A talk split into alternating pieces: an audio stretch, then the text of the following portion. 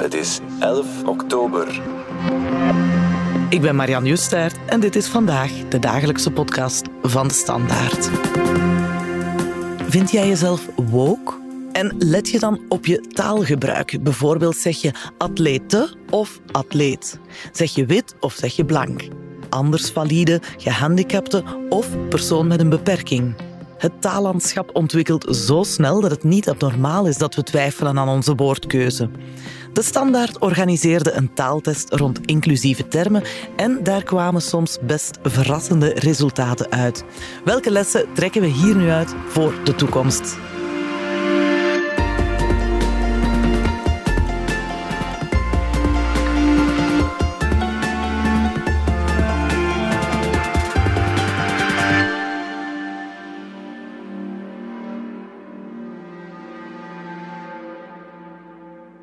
Dag Astrid Houthuis. Jij bent niet alleen chef eindredactie, maar ook onze taaladviseur, taalpolitie soms.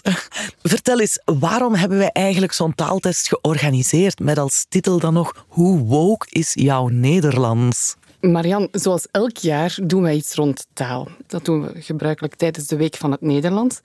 En ja, van waar kwamen we bij die test rond inclusief taalgebruik? Het is gewoon iets wat het meeste leeft. Iets waar wij zelf op de redactie het meest bij stilstaan, waar ik de meeste vragen over krijg van collega's. Wat schrijven we nu juist weer? Wit of blank? Of mag ik nog allochtoon zeggen?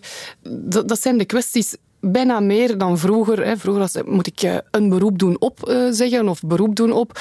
De oude zeg wel zeg niet cultuur uit de jaren zeventig, die nog altijd wel doorgedrongen is op de redactie. Maar ik denk dat het een veel relevantere discussie is vandaag hoe je inclusief met taal omgaat en mensen omschrijft. Dus van daaruit uh, was die keuze logisch. Nu, woke is natuurlijk wel een heel beladen term. Uh, die kan gaan van gewoon rekening houden met minderheden tot de hele cancelcultuur. Dus het was wel een beetje gewaagd om die term te gebruiken. Wij hebben dat toch gedaan, want het is de olifant in de kamer. Je moet er niet omheen gaan. Um, Absoluut. De ene reageert erop als uh, door een wesp gestoken. Ik heb wel wat reacties gekregen in de bus. Andere mensen ja, zijn heel blij dat het er eindelijk eens over kan gaan. Dan hebben wij de lezer 20 zinnen voorgelegd. De vraag was, kies de meest inclusieve term. Daarbij gingen we wat sturend te werk. Hè. Dus uh, de lezer wist wel wat van hem verwacht mhm. werd. Het ging niet over termen die hij misschien zelf altijd gebruikte, maar echt over wat denk jij nu wat het meest inclusief is. En uiteindelijk hebben we... Deze ochtend zaten we op 32.400 deelnemers. Dus dat is absoluut, uh, toont wel aan dat mensen ermee bezig zijn. En wie weet zijn er nog luisteraars van deze podcast die ook zin hebben om de test in te vullen. Vertel eens van de resultaten. Als je dan kijkt naar de gemiddelde score, mensen haalden gemiddeld 13,6 op 20, wat aangeeft dat uh, toch meer dan de helft van de woorden gekend was. Je ziet bijvoorbeeld dat uit de sectoren onderwijs, marketing, reclame, de media, ook de cultuursector, dat die allemaal wel gemiddeld hogere scores halen, vanaf 15 op 20 gemiddeld. Dus uh, gemiddeld kozen de deelnemers een 13,6 op 20 keer voor de meest inclusieve term. Maar ja, daarbij bleek misschien niet geheel onverwacht dat twintigers en veertigers meer aandacht hadden voor inclusief taalgebruik dan de vijftigers en zestigers. Iets meer bij inwoners van de grootsteden dan bij de andere stedelingen en de mensen van het platteland. En wat ook wel echt opviel, is dat vrouwen veel empathischer bleken dan mannen. Daar ging het echt wel over een uh, groot verschil. Nu, uh, ah, erg verwonderlijk is dat niet, want alle onderzoeken die er ooit al naar gebeurd zijn, die geven aan dat vrouwen veel, ja, veel meer gewoon met taal bezig zijn dan mannen. Geef eens wat voorbeelden van die vragen, zo van de woorden die goed gekend zijn, die uh, echt nog helemaal niet ingeburgerd zijn. Ja, dus uh, wat echt opviel is dat uh, termen als mensen van kleur en mensen met een migratieachtergrond heel goed gekend zijn door onze lezers. Hè. Want ik zeg wel onze lezers, we hebben die enquête gedaan uh, bij een bepaald segment van de bevolking natuurlijk, hè. de standaardlezers. Wat wel opmerkelijk was, is dat de term anders valide nog door 42% van de mensen als de meest inclusieve vorm gekozen werd. Dus boven het meer inclusieve vandaag, personen met een handicap. Ah, en niet ehm, personen met een beperking? Dat was eh, geen optie in de test, maar inderdaad personen met een handicap of personen met een beperking. Daar zijn de meningen in de belangengroep ook verdeeld. Je kunt zowel personen met een handicap als personen met een beperking zeggen. Trouwens, in Nederland daar is het anders. Hè. Daar is gehandicapte eigenlijk het goede woord. Hè. Dus het hangt echt af van regio tot regio, van persoon tot persoon ook, waarvoor mensen eigenlijk kiezen. Nog een ander opvallend woordje was homofiel. Daar vond 60% dat dat nog altijd de meest inclusieve vorm is. Terwijl eigenlijk, eh, toen ik 15 jaar geleden op de redactie kwam, was een van de eerste dingen die ik hier leerde van een collega. Zeg niet homofiel, hè, want dat moffelt het seksuele onder de mat. Homo is beter. Hè. Nu, in de test kon je alleen maar kiezen tussen Jeannette, homofiel en gay. En blijkbaar, liet ik mij door een collega vertellen, is ook in de homogemeenschap gay ja, oké. Het is een heel ja, inclusief woord. dat was het juiste antwoord. Dat was het juiste antwoord. Gay is zeker meer mee met de tijd dan homofiel. Hè. Maar als je het dan in de weegschaal legt met homo, dan zou homo het toch nog halen. Want blijkbaar hangt eraan gay toch zo eerder nog een soort connotatie van vrouwelijk, eurosong. En uh, niet elke homo identificeert zich daar ook mee. Ook nog niet echt ingeburgerd is het woordje deadname. Maar van de deelnemers was daar maar de helft op de hoogte dat dat de voormalige naam is van een persoon die van gender is veranderd. Jij vroeg ook reacties aan de mensen en eh, die reageerden massaal. We horen hier bijvoorbeeld Petra Damen. Ik kwam in België aan in 1994 en dan uh, word je naar de dienst Vreemdelingenzaken gestuurd voor het Vreemdelingenloket. Wat mij stoort aan het woordgebruik van Vreemdelingenloket is, ja, dan denk je natuurlijk ook meteen aan, uh, dat is dat illegaal, legaal, al dat soort termen over mensen die naar je land komen. Ja, dat gegeven van hoe dat woord vreemdeling gebruikt wordt, is zo vanzelfsprekend, terwijl het is een outsiderspositie. Het woord vreemdeling wordt meer gebruikt om uit te sluiten. Nou ja, en op stadsniveau zie je inmiddels dat er veel gevoeliger gebruik wordt gemaakt van het woord nieuwkomers of nou ja, migranten. Maar dat is dan, op een gegeven moment is het de bedoeling om weer inclusief te denken, om weer te reïntegreren. Om, ja, op een gegeven moment word je weer mensen. En als vreemdeling, ja, dat zegt meer over degene die de bril opzet van het perspectief de ander, dan dat dat zegt over de mens zelf, die al dan niet ja, vreemd is of zo. Ja, zoals je kunt horen, is eh, het heel persoonlijk voor welk woord je pleit of uh, welk woord je echt ongelukkig kan maken zelf. Hè. Zoals hier Petra, zij voelde zich echt niet thuis hè, bij die term vreemdeling. De dienst vreemdelingenzaken, ja, dat is niet echt het warmste welkom dat je kunt krijgen hè, als je in een land toekomt. Ja.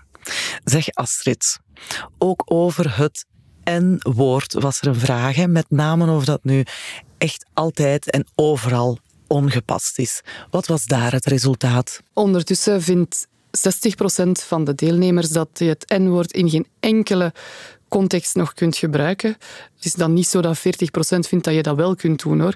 Ehm, ik denk dat er zo'n 8% of zo zegt van het moet nog wel kunnen, maar dat er een, de meeste anderen zeggen van ja, het is moeilijk om het altijd te vermijden waar ik me wel iets kan bij voorstellen.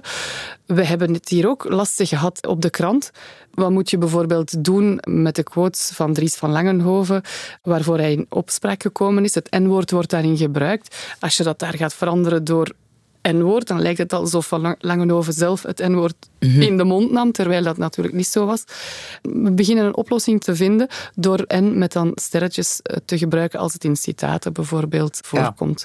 Maar ja, dat is niet altijd simpel. Een andere vraag is, belangengroepen vragen ook om het woord al sinds de jaren tachtig uit uh, vandalen te halen. Ehm, mhm. moet je dat dan doen als woordenboekenmaker? Nee, uiteraard, dat gaat niet, want elk woord dat voorkomt moet beschreven worden en moet in een woordenboek ook staan. En uiteraard staan er dan labels bij als beledigend, hè, zodat de lezer ook wel direct weet waar het uh, op slaat. Ook in de woordenlijst diversiteit van de VRT staat het woord nog voluit geschreven. En ook in ons gevoelig lexicon. Staat het ook, ja. Nu, ook toch heel opvallend. Hè? Eén op de vier Vlamingen, of respondenten dan, vindt dat we niets meer mogen zeggen. Ja, wat is niets? Hè? Ja. Ik zag onlangs een YouTube-filmpje dat me doorgestuurd werd op straat uh, werd gevraagd aan voorbijgangers. En uh, tegenwoordig in Nederland, uh, je kunt niets meer zeggen.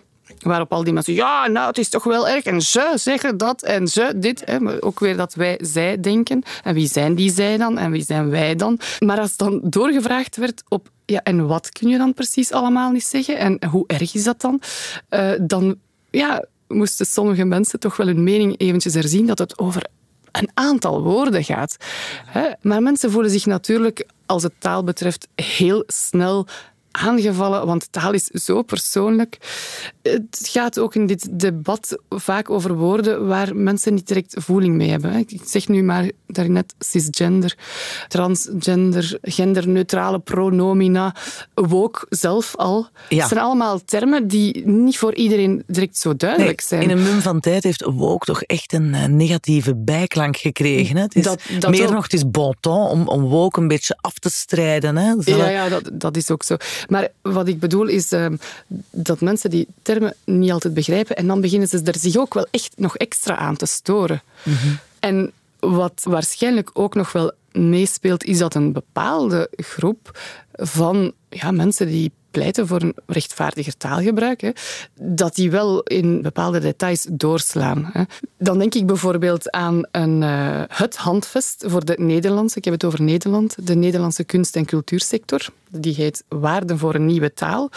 Daar staan zeer waardevolle dingen in, zeker en vast. Maar je kunt er bijvoorbeeld ook in lezen hè, dat je het woord zwart moet vermijden in negatieve uitdrukkingen, zoals een zwarte bladzijde in de geschiedenis. Echt? eh, zwart wow, rijden, ja. zwart geld. Hè, dus ehm, gebruik dat niet, wordt daar aangeraden. ja. En ja, maar in die details, daar schiet je eigenlijk je doel voorbij. Want het gaat daar helemaal niet over huidskleur. Hè. Mhm. het, eigenlijk wordt er metaforisch gerefereerd aan nacht, donker. Hè.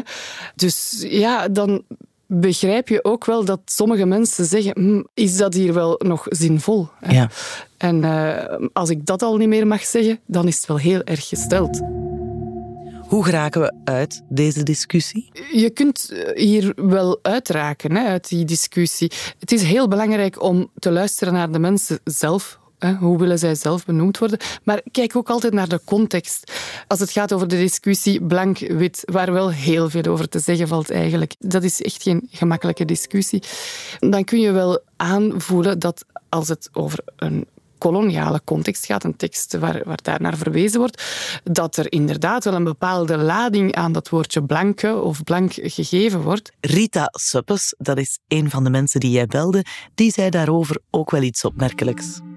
Voor mij is het gebruik van witte mensen of blanke mensen eigenlijk een non-issue, omdat ik geen linguist, maar ik spreek wel verschillende talen. En ik zie dat het een probleem is dat zich alleen in het Nederlandstalige taalgebied voordoet. In het Engels heb je white, in het Duits heb je weiße, maar in het Frans daar heb je dan blanc en in het Spaans heb je blanco. En dat is allemaal hetzelfde, dat is gewoon wit.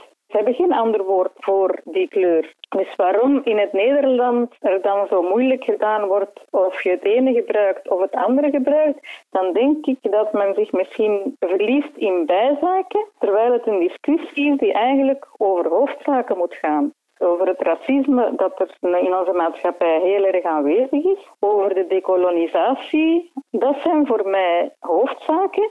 Ik vind voor mij mogen mensen de woorden gebruiken waarbij ze zich goed voelen, zolang ze andere mensen er niet mee kwetsen. Ja, dat klopt eh, wat Rita daar zegt.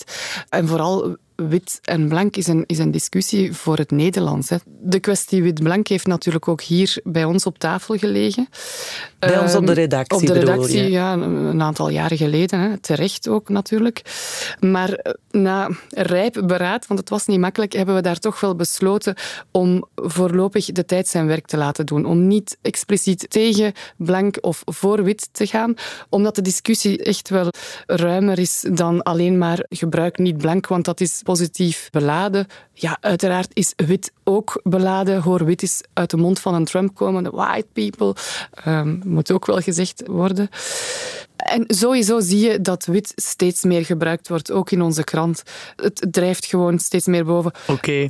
Wie woke zegt, zegt ook cancelcultuur. Moeten we woorden bannen? Je hebt het al heel even aangeraakt dat de vandalen het vooral niet moet doen. Ik denk dat geen enkele taaladviesdiensten, zoals de Taalunie bijvoorbeeld, dat ooit zal doen. Er is een groot verschil ook tussen waar je bepaalde woorden gebruikt. Doe je dat thuis bij de familie of met vrienden, is dat iets helemaal anders dan wanneer dat je een voorbeeldfunctie hebt en spreekt met eh, een heel divers publiek. Je moet je gewoon kunnen inleven in met wie je praat, van perspectief kunnen wisselen en proberen te spreken zoals je zelf ook graag zou hebben dat er over jou gesproken wordt. Dus nee, bannen niet, maar wel een beetje inlevingsvermogen tonen. Dat denk ik wel.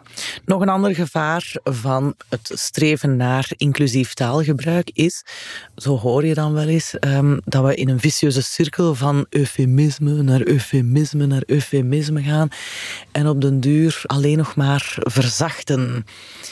Houdt dat steek, dat argument? Ik sprak voor ons artikel met uh, Stef Kroon van Team Taaladvies en hij had het over een woord, ik had het nog nooit gehoord, de eufemisme tredmolen. En uh, dat klopt wel. Hè. Dus ooit was het gebrekkige, dan werd het gehandicapte, dan werd het minder valide, anders valide, persoon met een handicap. Of ja, denk aan gastarbeider, allochtoon, migrant, persoon met een migratieachtergrond. Het zijn altijd nieuwe termen die zachter of inclusiever willen zijn.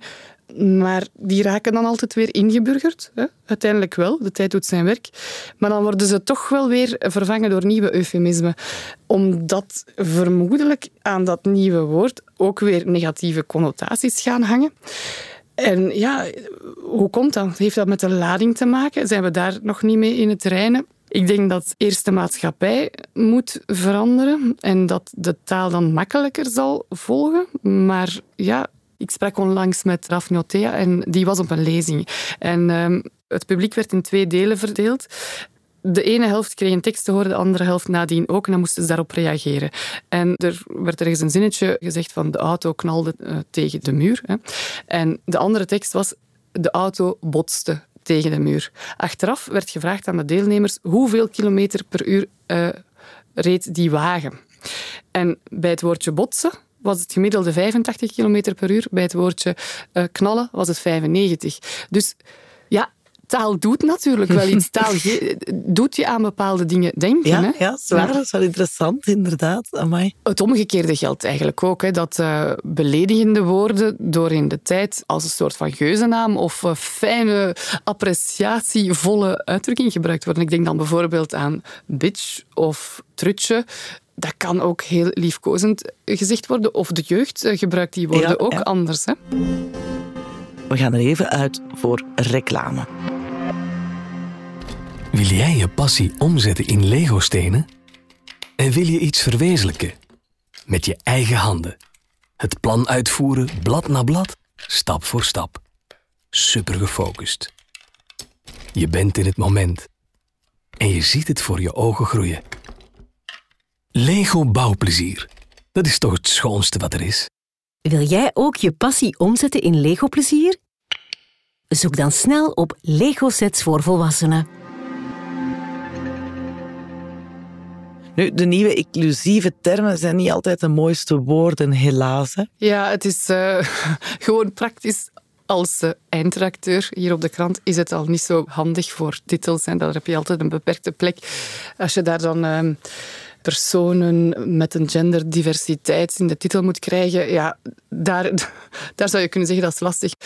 Waar we wel een beetje beducht voor kunnen zijn, is dat we op de duur een soort van ambtelijk sociale sector Nederlands zouden beginnen gebruiken als we alle belangenverenigingen, elke wens daaraan zouden gevolg geven.